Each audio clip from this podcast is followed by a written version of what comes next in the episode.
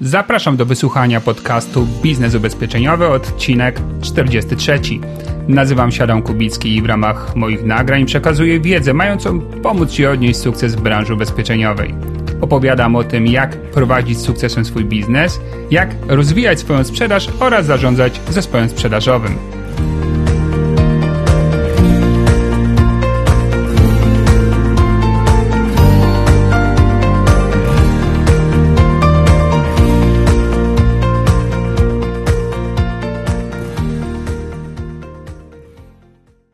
Dzień dobry, dzień dobry, witam Cię serdecznie po dłuższej przerwie w nagrywaniu podcastów.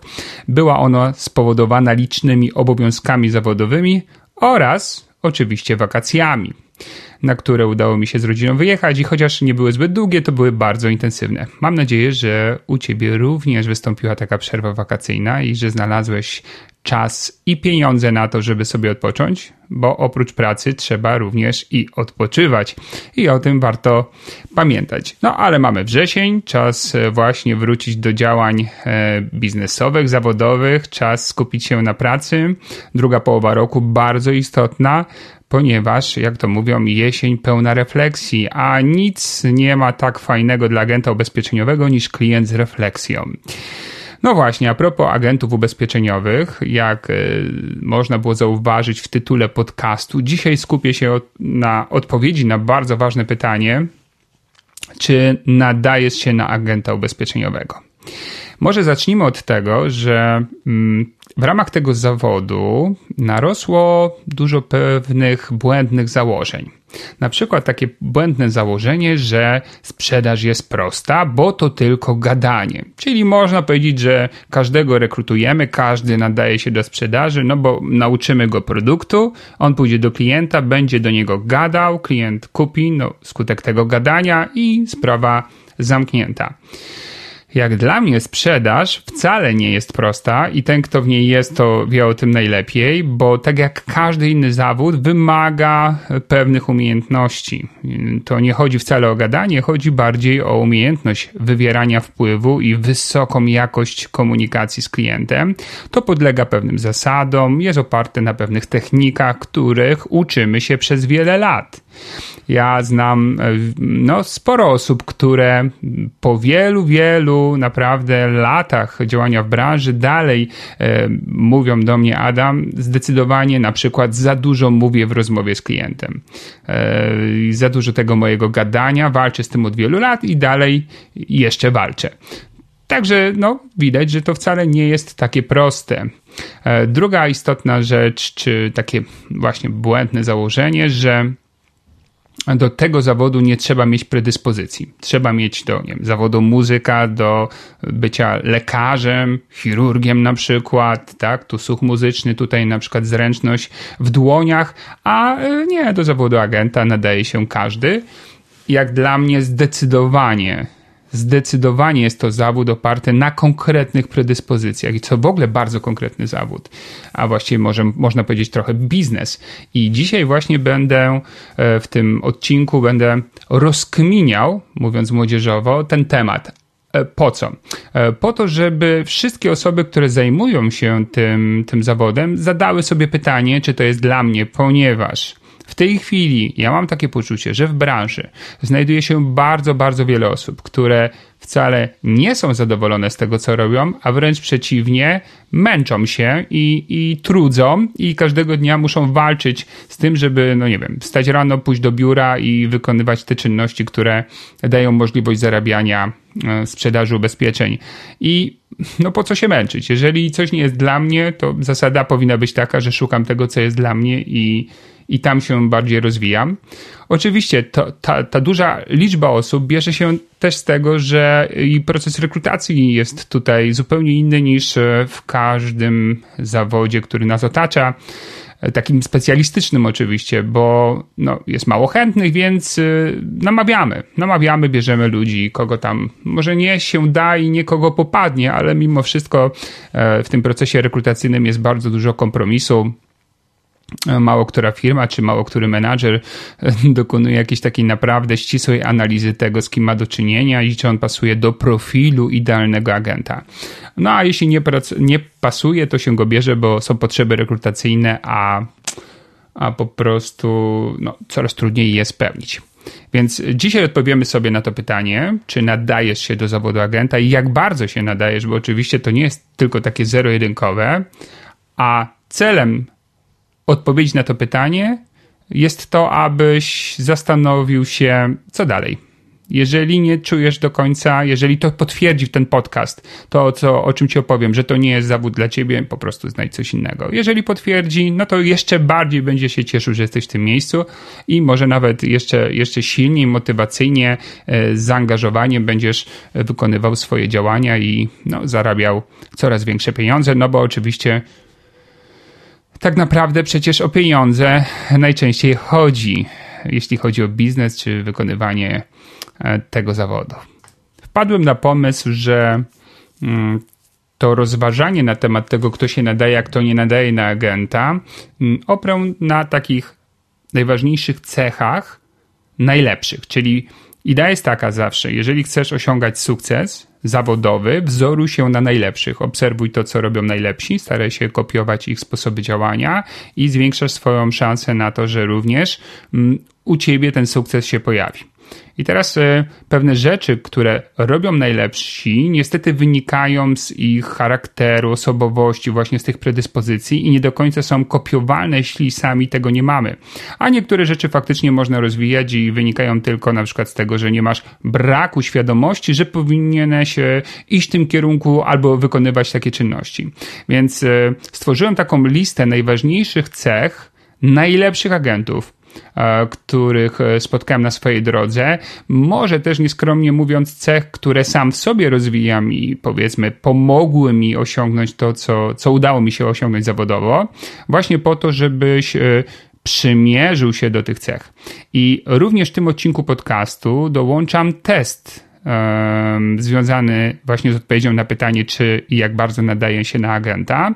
I ten test y, będzie jakby też podsumowaniem tego, co powiem w podcaście i będziesz mógł sobie, wykonując ten test, no jakby podsumować właśnie, spiąć te wszystkie elementy i, i odpowiedzieć sobie na to bardzo, bardzo ważne pytanie. No więc cóż, zacznijmy opisywać sobie poszczególne cechy takiego idealnego agenta ubezpieczeniowego.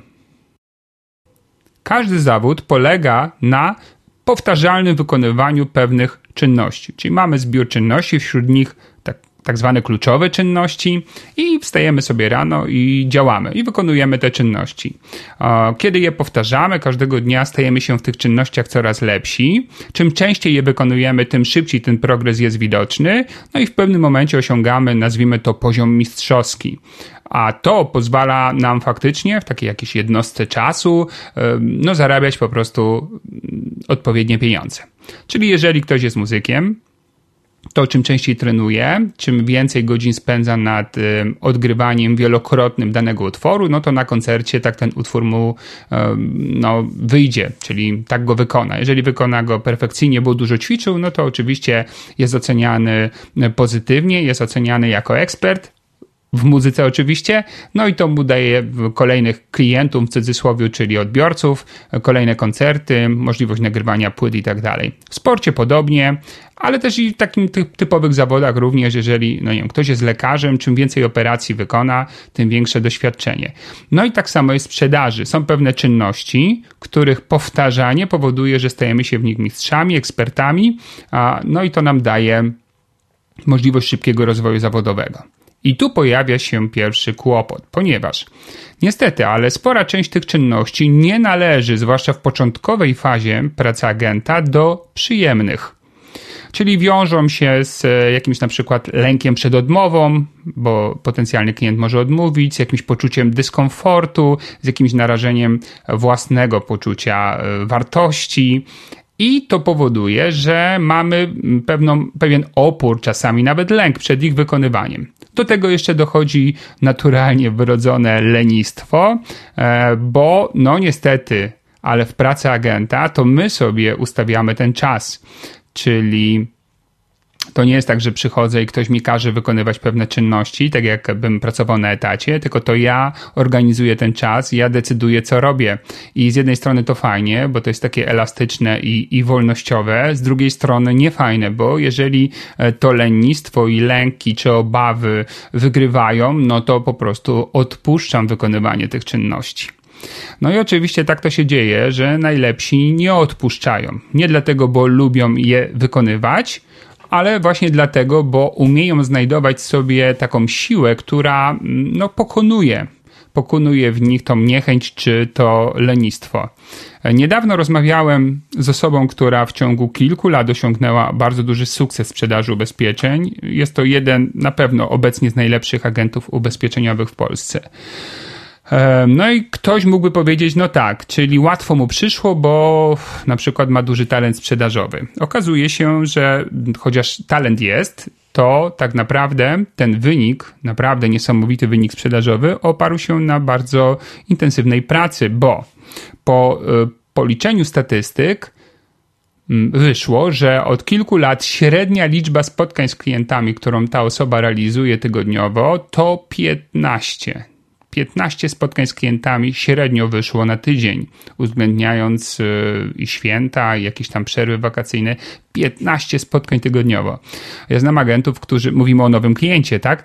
Którzy w, no podejrzewam, że 15 spotkań robią nawet w kwartale, a co dopiero w tygodniu. Więc ta osoba bardzo intensywnie, ciężko pracuje od rana do nocy i dlatego ma wyniki. No właśnie, i to się dzieje za każdym razem, kiedy spotyka się liderów sprzedażowych. Oni po prostu bardzo dużo pracują, wykonują te czynności. No ale dlaczego? Dlaczego inni odpuszczają, a oni nie? No i ta tajemnica nie jest wcale trudna do odkrycia. Po prostu ogromna różnica między ludźmi przeciętnymi sprzedaży a liderami opiera się przede wszystkim na sposobie myślenia na temat swojej przyszłości. Otóż większość liderów, nie, wszyscy liderzy sprzedaży mają bardzo konkretne, określone w głowie cele, wiedzą do czego w życiu dążą.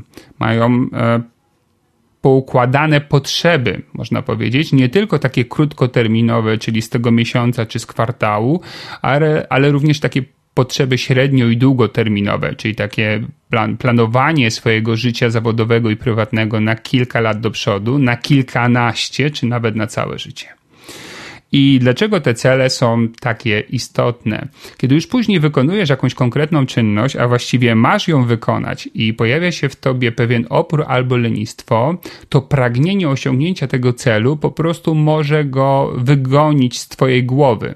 Czyli to pragnienie spowoduje, że tą czynność będziesz wykonywać, mimo że ona nie jest przyjemna. I zobacz, to na poziomie teorii działa bardzo prosto. Jeżeli masz jakiś prawdziwy cel, który pragniesz osiągnąć i do tego celu jest ci potrzebny wysoki czy odpowiedni dochód, a on uzależniony jest od tego, na przykład, czy będziesz dzisiaj dzwonić do klientów, czy nie, to po prostu podnosisz słuchawkę i dzwonisz. Jeżeli tego celu nie masz, i dzisiaj miałbyś dzwonić do klientów, ale nie ma właśnie tej energii czy pragnienia osiągnięcia czegoś, a już właściwie trochę coś tam się toczy, kilka procesów, jakaś jedna polisa sprzedana, to bardzo łatwo wytłumaczyć sobie, że dzisiaj to nie jest najbardziej odpowiedni dzień, bo jest, nie wiem, początek tygodnia, albo właśnie zaczyna się szkoła, albo dzisiaj y, trochę boli cię głowa i najlepiej byłoby nie palić tych kontaktów. Czyli nie ma celów, ciągle borykasz się z lenistwem, y, lękiem, oporami i bardzo często one wygrywają w Twoim kalendarzu, to powoduje dziury w aktywności i to powoduje przeciętnie wyniki sinusoidalne, to powoduje znowu frustrację, to znowu powoduje zrzucenie mm, winy na czynniki zewnętrzne, takie jak rynek, e, nie wiem, prowizja, firma, produkty, menadżer, koledzy, znajomi, głupi klienci. No to jeszcze bardziej człowieka nakręca w dół i właściwie to jest droga donikąd. No i teraz oczywiście warto zadać sobie pytanie, czy czy jeśli dzisiaj ja nie jestem osobą, która planuje swoje życie, nie jestem osadzony na celach, um, nie mam tego w głowie tak zrobionego, jakby zrobionego przez kogo, do końca nikt nie wie, to czy to w ogóle da się w sobie obudzić? I chociaż tyle, tyle lat um, staram się odpowiedzieć na pytanie, to właśnie przyznam szczerze, że nie znam na nie pełnej odpowiedzi. obserwuję bardzo świadomie setki, czasami tysiące ludzi dookoła i bardzo rzadko znajduję przykłady osób, które nie planowały swojego życia i nagle coś magicznego się wydarzyło i zaczynają je planować. Bardzo rzadko zdarzyło mi się zaobserwować osoby, które nie miały jakichś silnych dążeń i pragnień, i nagle to się w nich uruchomiło. Jak patrzę na, na swój charakter i na to, że jestem osobą bardzo silnie osadzoną na celach, to muszę przyznać, że nikt mnie tego nie uczył. Ja to w sobie rozwijałem, bo oczywiście e, miałem dookoła wspierające środowisko, czytam i czytałem bardzo wiele książek, kursów, e, filmów szkoleniowych, więc jakby przenika mnie ciągle idea pracy na celach, lecz Lecz to już miałem nawet w dzieciństwie, można powiedzieć, że jak przypominam swoje, sobie swoje działanie, nawet w podstawówce, to, to gdzieś zawsze coś tam planowałem, do czegoś dążyłem, jakieś cele sobie wyznaczałem, mniej lub bardziej, bo jednak byłem osobą bardzo często odpuszczającą, ale jeżeli już ten cel miałem, to tam e, ciągnąłem temat aż do końca, więc gdzieś ten zaczyn już był i, i też nie mogę powiedzieć, że środowisko mi dało to wsparcie, bo no, moi rodzice byli, pochodzili z czasów, w których ci ludzie żyli zdecydowanie z dnia na dzień i martwili się tylko, czy dostaną jedzenie, tak, ze sklepu, czy, czy uda się załatwić, nie wiem, jakiś nowy mebel, czy nawet mieszkanie. Co w sobie było pewnym celem, ale no na pewno to nie było celem rozwojowym, bo i narzędzi do rozwoju w czasach socjalizmu czy komunizmu, jak niektórzy twierdzą, było tak naprawdę bardzo niewiele. No więc zadaj sobie pytanie, czy jestem, czy jestem taką osobą, czy nie. E, ja ci podam taki przykład, e, chociażby od siebie. Mm, no, oczywiście, jednym z moich celów jest osiągnięcie niezależności finansowej. Ten cel realizuję od wielu lat, ale ponieważ bardzo, bardzo mi na nim zależy, to również od wielu lat oszczędzam 20% moich przychodów, czyli wszystko, co wpłynie na konto, jest cięte na kawałki. 20% na oszczędności, inwestycje, 20% na podatki i, i z reszty żyję. I teraz e, znam wiele osób, które mają fajne, czasami nawet bardzo fajne, czyli wysokie dochody, które nie oszczędzają. I nawet się rozmawia z nimi o tym oszczędzaniu, że może warto i tak dalej. I przyznają rację z poziomu logiki, ale z poziomu emocji nie czują potrzeby i dalej nie oszczędzają. I ja to rozumiem, ponieważ nie mają konkretnego celu, do którego to oszczędzanie miałoby im się przydać nie zamieniałem go sobie, nie wiem, na mieszkania, na wynajem, na pasywny dochód z inwestycji. E, bardziej koncentrują się na tym, co jest tu i teraz. I dlatego te pieniądze po prostu płyną w tym kierunku, y, do, na te cele bieżące, na realizację swojego życia, no, na tym jakimś dla nich odpowiednim poziomie. Ja to oczywiście jak najbardziej akceptuję i rozumiem skąd to się bierze, tylko wtedy, no właśnie, nie mam pomysłu na to, jak tej osobie można byłoby pomóc zmienić sposób myślenia. No bo jednak jestem zdania, że jeżeli nie przewidujesz, nie planujesz, to czasami może to, może nie czasami, zazwyczaj to się nie kończy za dobrze, bo później jakieś zdarzenia losowe, a, a ty mogą się pojawić, a ty nie jesteś na nie przygotowany. Um, no więc tak to jest, nie? że tak naprawdę nie wiem, czy to się da w człowieku uruchomić, jeśli tego nie ma. Mam spore wątpliwości co do tego. Nie mówię, że, że się nie da, ale znam bardzo, bardzo niewiele przypadków. W większości sytuacji po prostu widzę tego człowieka po 5, 10, 15, 20 latach i on cały czas myśli w ten sam sposób. No dobrze, drugą ważną cechą takiego lidera, mm, osoby, która nadaje się do tego zawodu, jest odporność na środowisko, które cię otacza. E, to jest takie paradoksalne, że trzeba być odpornym na to środowisko, ale no ogólnie ludzi mocnych jest na świecie bardzo niewielu. Większość osób do supermocnych nie należy. I taka osoba mniej mocna, no to jest osoba bardziej mm, wpływowa, to znaczy inni na nią wpływają, czy, czy bodźce różne na nią wpływają. No a jakie to są bodźce? No cóż, no, znając rzeczywistość, raczej więcej negatywnych niż pozytywnych. Czyli jeżeli ja na przykład mam w biurze trochę narzekaczy na rzeczywistość i ich słowa, ich zdania, ich przekonania wpływają na to, jak ja widzę e, świat, jeżeli moi klienci narzekają, jeżeli e, moi najbliżsi to są tacy ludzie, którzy właśnie mm, też koncentrują się na tym, co, co nie jest fajne, a ja nie jestem odporny na to środowisko, no to automatycznie wchłaniam te cząstki ich sposobu myślenia i zaczynam myśleć podobnie.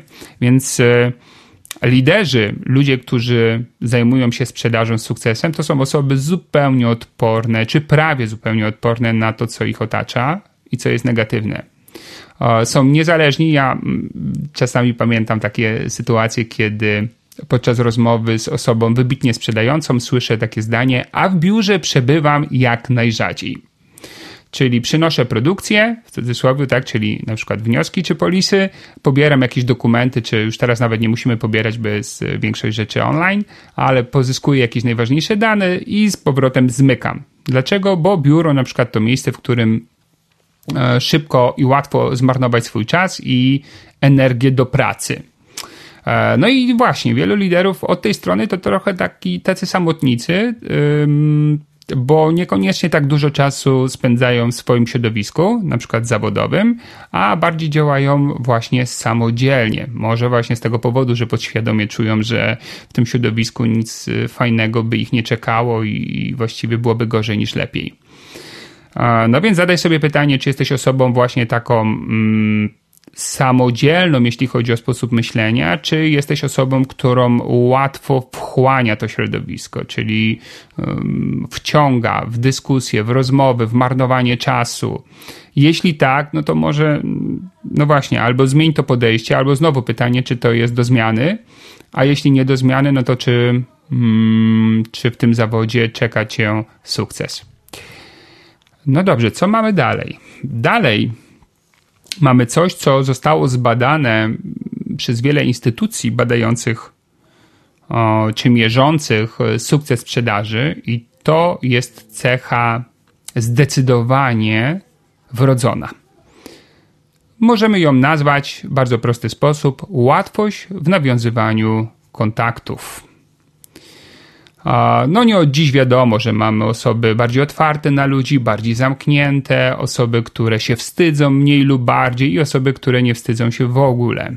Czyli czym większą masz odwagę w nawiązywaniu kontaktów z ludźmi, tym łatwiej idzie ci sprzedaż i rozwijanie rynku klientów.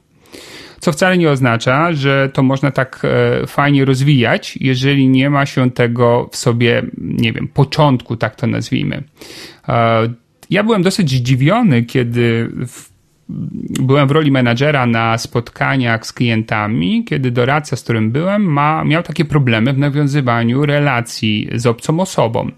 I te problemy nawet nie tylko wynikały z jego, powiedzmy, niskiej odwagi, ale z tego, że nie rozumiał, albo inaczej, to jest złe słowo, e, nie czuł, nie czuł tego, tego flow z klientami, nie, nie umiał jakby szybko, podświadomie znaleźć tematu dla nich ważnego i jakoś tak nie, nie wytwarzał tej relacji zaufania, tej relacji swobody.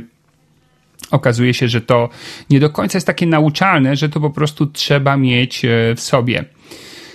Jak sprawdzić, czy się jest osobą relacyjną i czy ma się tą łatwość w nawiązywaniu kontaktów? No, wystarczy wypisać sobie listę wszystkich osób, które poznałem w ciągu mojego życia i z którymi utrzymuję, czy utrzymywałem pozytywne kontakty. Teraz, jeżeli ktoś przychodzi do tego biznesu i na przykład menadżer mówi, zrób sobie listę kontaktów początkowych, od nich zaczniemy. I ktoś mając na przykład, nie wiem, niech będzie 35 lat, przychodzi z listą 30 czy 40 osób, to warto sobie zadać pytanie, jak to jest możliwe, że ten człowiek ma 35 lat życia ze sobą, a on na listę znajomych i kontaktów własnych jest w stanie wpisać tylko kilkadziesiąt osób.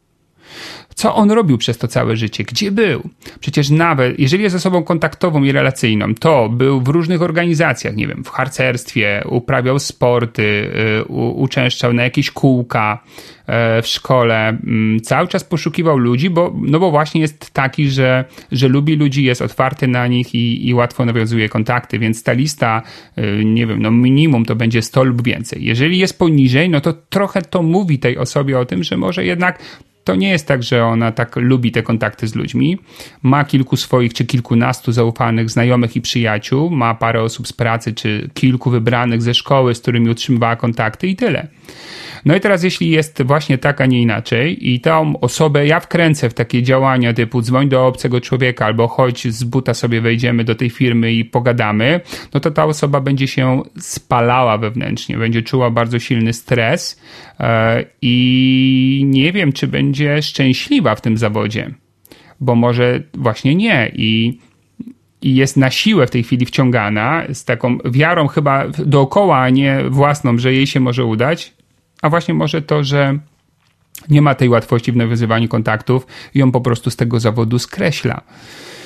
No właśnie, i warto się nad tym zastanowić, dlatego że nikt, kto komu się jakby udało osiągnąć e, sukces w zawodzie sprzedaży, szczególnie może nawet ubezpieczeń, nie jest osobą introwertyczną. Wszystkie osoby, które ja poznałem, tego typu to właśnie miały bardzo wysoką, nazwijmy to szumnie, kompetencje w łatwości w nawiązywaniu kontaktów. Po prostu budują relacje szybko, e, bardzo fajnie, mocno, głęboko, umieją tych ludzi na siebie otworzyć i z czegoś to wynika, jakieś postawy, mowy ciała, uśmiechu, mm, sposobu, nie wiem, nawet tembr głosu może mieć znaczenie. Mają to coś w sobie i, i naprawdę nawet trudno to pomierzyć, a już na pewno trudno zrobić z tego um, szkolenie. Więc e, o tej cesze warto pamiętać, bo jest jedną z decydujących, no i zadać sobie pytanie, jak silnie w tej cesze ja jestem umiejscowiony. Często śmieję się, że przyszli agenci powinni być poddawani takim testom. Na przykład mamy specjalną windę, do której ta osoba się udaje. No nie wie, że jest specjalna, a w niej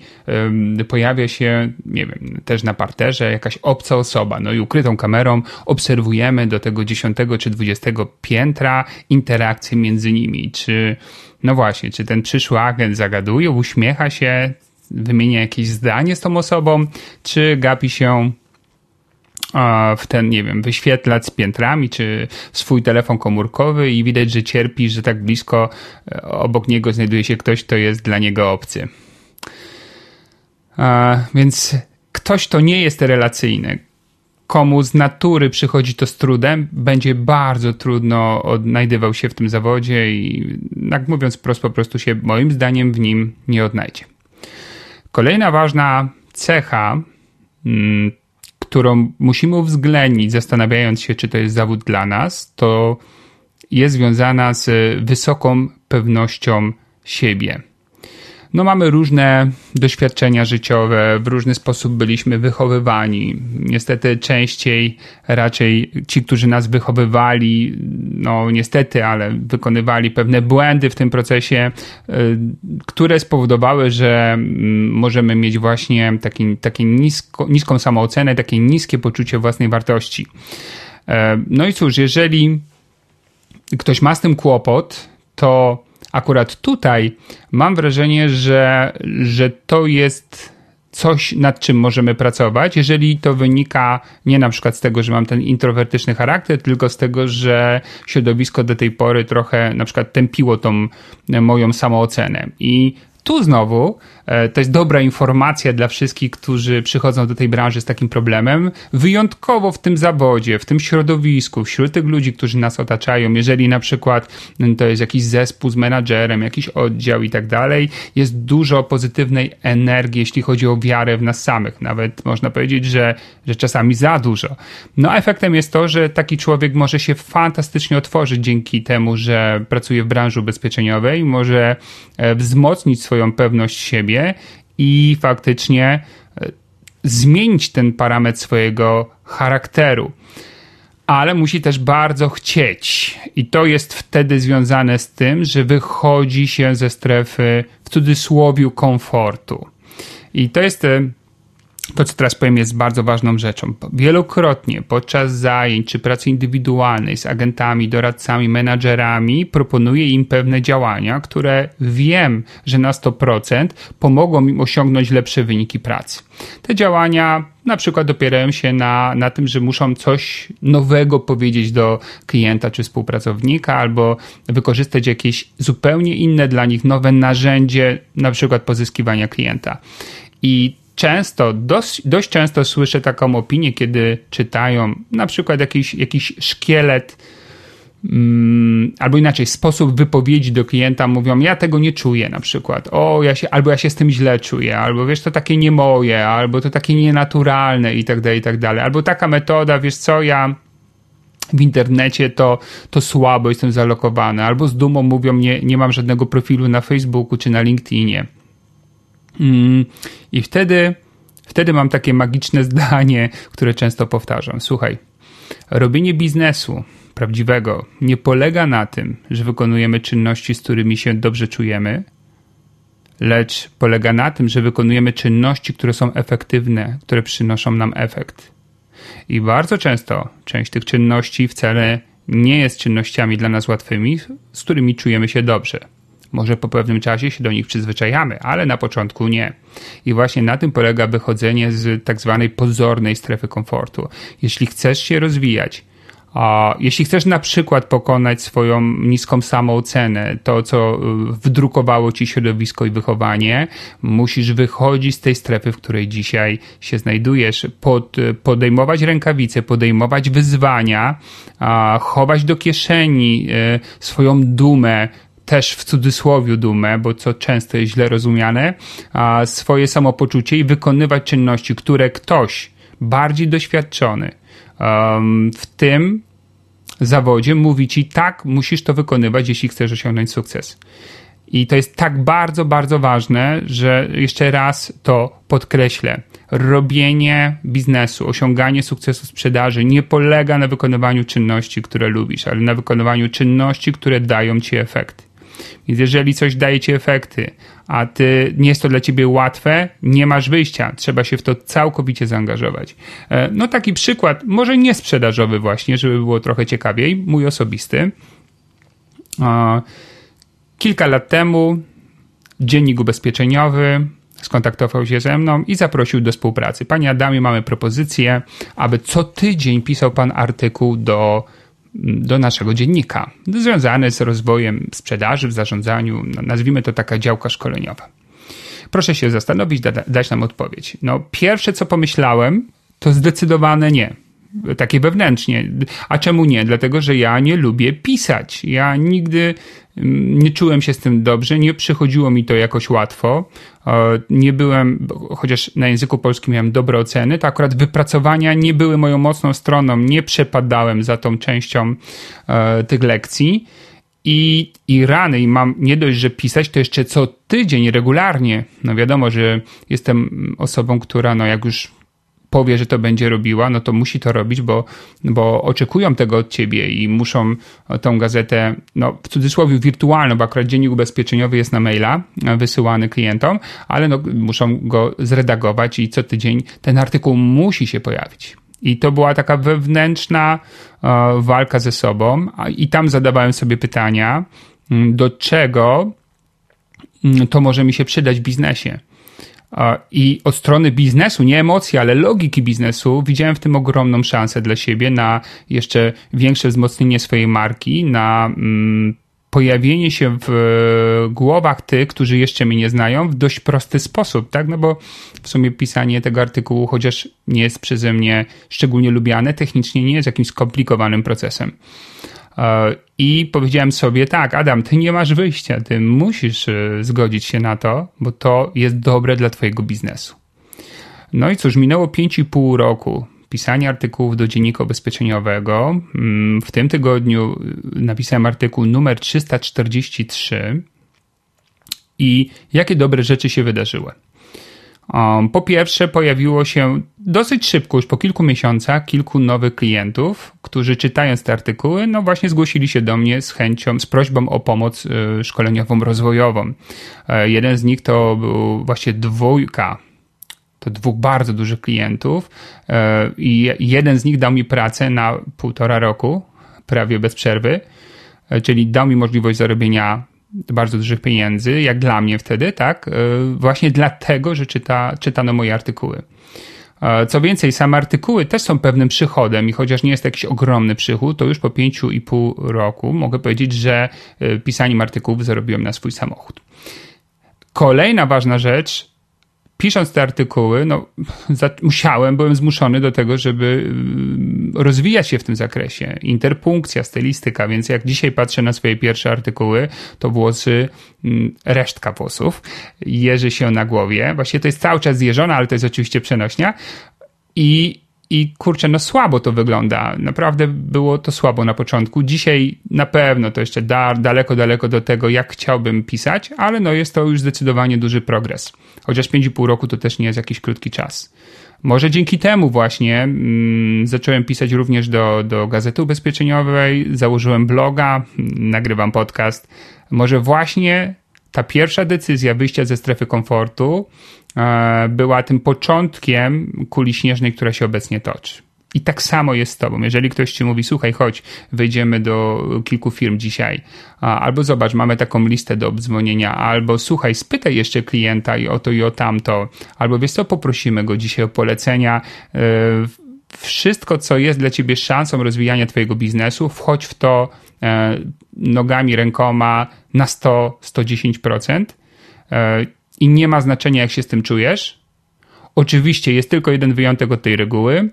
Nie może to łamać Twoich wartości, czyli ta czynność czy styl pracy nie może być przeciwny do tego, co jest dla Ciebie w życiu ważne, co jest Twoją wizytówką z poziomu wartości. Jeżeli ktoś zaprasza Cię do procesu, który polega na na przykład oszukaniu klienta, czy złamaniu jakichś ważnych zasad e, w pracy czy życiowych, no to takich rzeczy nie wolno nam robić i, i, i tu oczywiście mówimy stanowcze nie. Ale wszystkie inne rzeczy, gdzie tak naprawdę blokada wynika tylko z emocji, bo mam niską samoocenę, albo właśnie, bo, bo to nie jest jakieś dla mnie fajne, czy nie jest moje, zdecydowanie mm, powinniśmy walczyć ze sobą i powinna wygrać aktywność. No, zastanów się może. Ostatnio były jakieś propozycje, którym odmówiłeś nie dlatego, bo nie miały sensu, ale właśnie dlatego, bo, bo były trudne, czy były wyzwaniem i, i wygrało lenistwo, czy niechęć do wyjścia ze strefy komfortu. Jeśli tak, wróć do tych propozycji, wróć do ludzi, którzy ci je złożyli i, i atakuj temat, bo to jest bardzo, bardzo ważne. I tu jakby też przechodzę do kolejnej bardzo ważnej rzeczy związanej z rozwojem. I teraz bardzo często używa się słowo, że ta praca mnie rozwija, albo dlaczego tu przyszedłeś dla rozwoju i w ogóle to, ten rozwój pojawia się wszędzie, słychać rozwój, rozwój, rozwój. Ale jak zaczynam pytać precyzyjnie, ale jak mówisz rozwój, to co masz na myśli? To sporo osób ma kłopot z odpowiedzią na to pytanie, że właściwie rozwój, często powtarzają to słowo bezrefleksyjnie, ale ojejku, ale tak naprawdę o co mi chodzi? I tutaj, jeśli mówimy o rozwoju, w sprzedaży, to tym rozwojem, czy elementem tego rozwoju bardzo ważnym jest nauka, czyli zdobywanie wiedzy i umiejętności nowych. A to znowu opiera się na chęci do nauki, a ona znowu opiera się, no właśnie, na tych takich cechach osobniczych i trochę na tym też, jak wyglądała nasza przeszłość. Jeżeli jesteś osobą, która nie lubi się uczyć, która jak dostaje jakieś materiały do ręki, musi coś przeczytać, przestudiować, przeanalizować, e, to ucieka od tego albo robi to po łebkach, być może nie nadajesz się do tego zawodu, bo tu nauka e, ta chęć do nauki jest bardzo ważna. I tu nie chodzi tylko o warunki ogólne, chociaż o to też, bo czym bardziej merytorycznie jesteśmy przygotowani do spotkań z klientami, tym lepiej dla naszej skuteczności. I ten, kto przechodził mój kurs e, związany z sukcesją w przedsiębiorstwie, który jest bardzo trudnym kursem, dlatego że dotyka zagadnień prawnych, dotyka przepisów, dotyka wielu aspektów pracy z klientem bardzo szeroko. Trzeba jakby przygotować się do spotkania z klientem przedsiębiorcą i samych materiałów prawnych tam jest ponad 150 stron do przeczytania i do nauczenia się. I, i wiele osób odpada na tym kursie. Mm, w tym sensie może nie na tym kursie online, ale u mnie na przykład na szkoleniach podchodzą do niej i mówią, Adam, to jest dla mnie za trudne, albo wiesz co, ojejku, ale ile tutaj trzeba czytać i ciągle być na bieżąco. No i jak go rozumiem, czy ją, bo jeśli nie ma ochoty do nauki, jeżeli w podstawówce, w szkole średniej cały czas ta nauka sprawiała tej e, osobie problemy i ona uciekała od tej nauki, to, to no jakby ten, ten wzorzec zachowania dalej jest kontynuowany przez tą osobę. Jeżeli ona zdaje sobie sprawę, że powinna, ale jednocześnie nie umie tego w sobie pokonać, no to być może to nie jest zawód dla niej, bo tutaj e, wszyscy najlepsi są bardzo nastawieni i chętnie otwarci na naukę. To oni pierwsi pojawiają się na szkoleniach, Kto, chociaż ktoś by powiedział, po co on się dalej szkoli, skoro już wszystko wie? No właśnie wie, że nie wie, dlatego chce być na szkoleniu. To są ludzie, którzy dużo czytają, którzy yy, można powiedzieć, że też biorą udział w wielu wydarzeniach, nie tylko szkoleniach, ale wydarzeniach. To są pierwsi ludzie, którzy zapisują się, zapisują się u mnie na kursy, kupują książki wszelkiej maści, cały czas poszukują do nowej wiedzy i rozwoju zawodowego, no bo to potem przekłada się na, na pieniądze. To to nawet tak jak ten blog, prowadzę bloga, też musiałem nauczyć się od strony informatycznej, jak e, ogarnąć te strony internetowe, jak od strony marketingu internetowego. Przeszedłem parę kursów związanych z tym, jak e, budować taką grupę wiernych słuchaczy i, i dostarczać im właściwej wiedzy.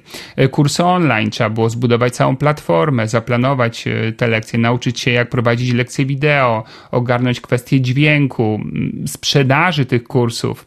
E, mnóstwo, mnóstwo nauki ostatnie lata z mojej strony poświęconej właśnie w obszarze biznesu online. Oczywiście są tego fajne efekty, ale to nie bierze się z tego, że jestem jakiś, nie wiem, wyjątkowy, tylko z tego, że z natury lubię się uczyć i lubię zdobywać nowe informacje. Więc jeśli nie jesteś taką osobą, jeżeli nauka cię nuży, męczy, szybko się e, demotywujesz, no to może, może trzeba byłoby znaleźć jakiś inny sposób na swoją karierę zawodową.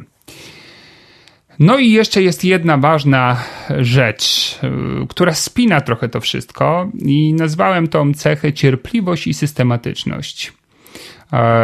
E, no bo tak, e, ktoś kiedyś mądry, już nie pamiętam kto, ale to zdanie pamiętam, powiedział tak, e, że Wiele osób nie docenia tego, co może osiągnąć, powtarzając pewne czynności w ciągu na przykład 10 lat, a przecenia to, co może osiągnąć w ciągu roku.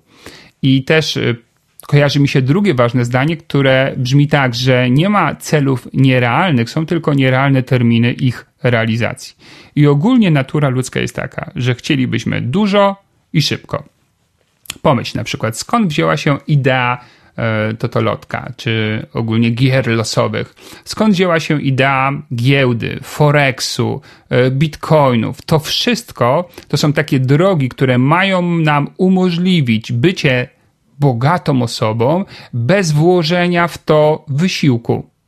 Czyli ktoś odwali za mnie to wszystko, ja dam mu pieniądze, on je pomnoży wielokrotnie, a ja nie muszę uczyć się, rozwijać, um, intensywnie pracować. Właściwie to się zrobi samo. I to pragnienie ludzi do tego, żeby mieć szybko i dużo jest ogromne i powszechne, ale nie dotyczy niestety liderów.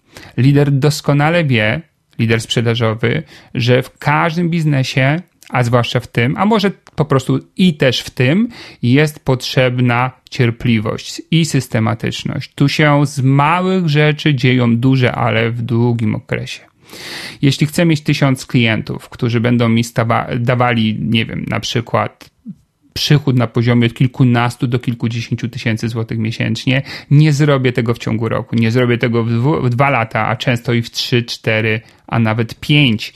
Bardzo wiele osób będzie potrzebowało dziesięciu lat na to, żeby osiągnąć taki wynik, co też jest e, całkiem ciekawym efektem, bo pracując na etacie po 10 latach równie dobrze możemy być w tym samym miejscu, w którym byliśmy 10 lat temu, a tutaj mamy szansę na osiągnięcie fantastycznego wyniku. Jednak jest to 10 lat pracy intensywnej każdego dnia wstajesz, bierzesz słuchawkę, czy tam wykonujesz jakieś działania w poszukiwaniu klientów, potem rozmawiasz z tymi klientami, mm, potem masz jednego, drugiego, trzeciego klienta, gdzie jeszcze tysiąc, prawda?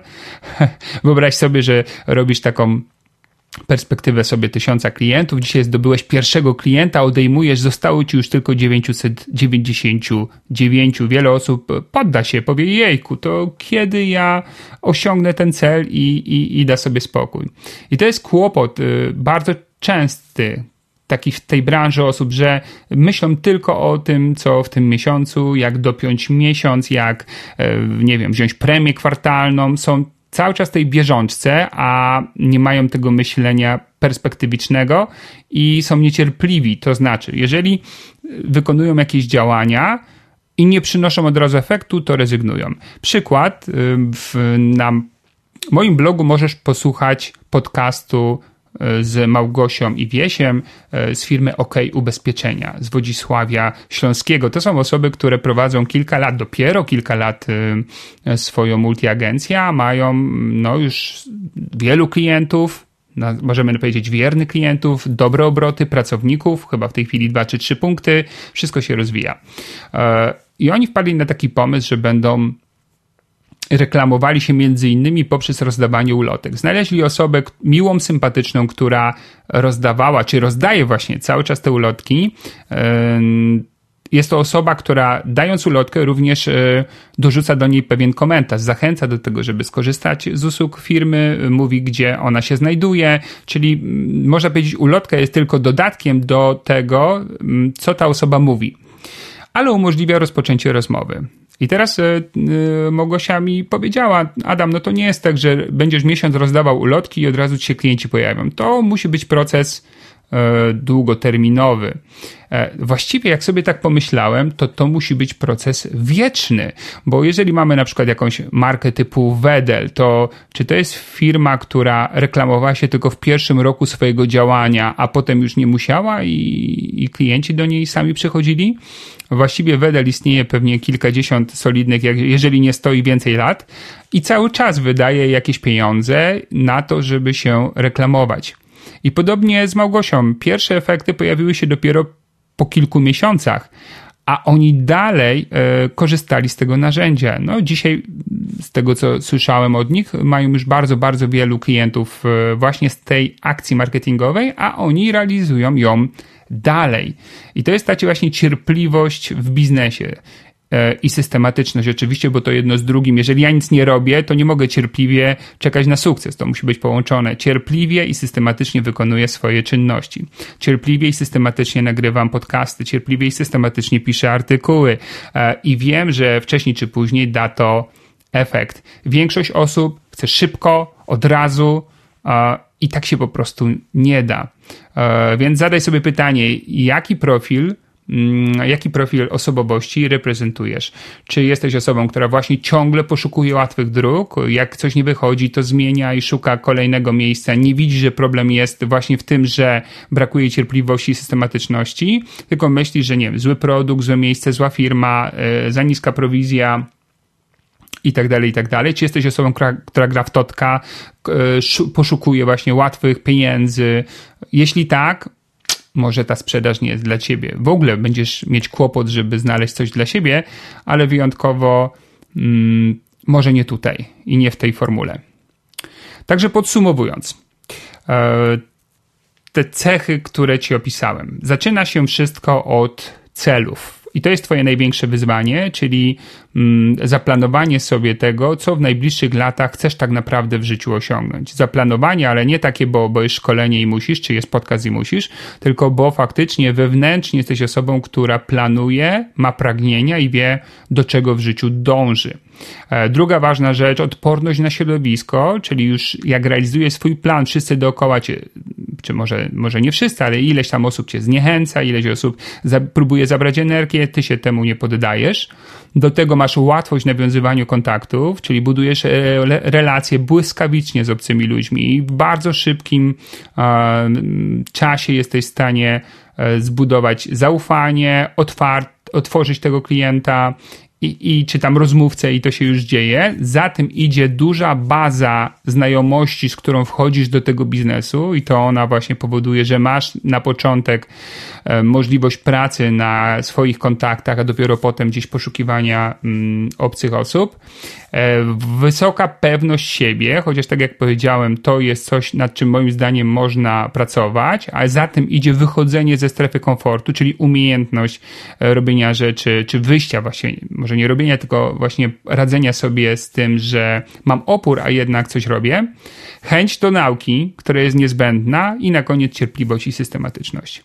No i zadaj sobie pytanie właśnie, jak to ze mną jest. Jeżeli te cechy, które wymieniłem, e, tobie towarzyszą, są elementem twojego charakteru, osobowości e, i silnie są w tobie osadzone, to spokojnie w tej branży e, będziesz osiągać sukces i z miesiąca na miesiąc, z roku na rok będzie działo się coraz lepiej. Jeśli nie, lub na bardzo niskich poziomach, to moim zdaniem być może warto byłoby rozważyć inne opcje, bo będzie wtedy ta branża zamiast cię nagradzać i dawać satysfakcję i, i takie poczucie, że jest fajnie, będzie cię frustrowała, męczyła, stresowała i finalnie może tak naprawdę to będzie dla ciebie strata czasu.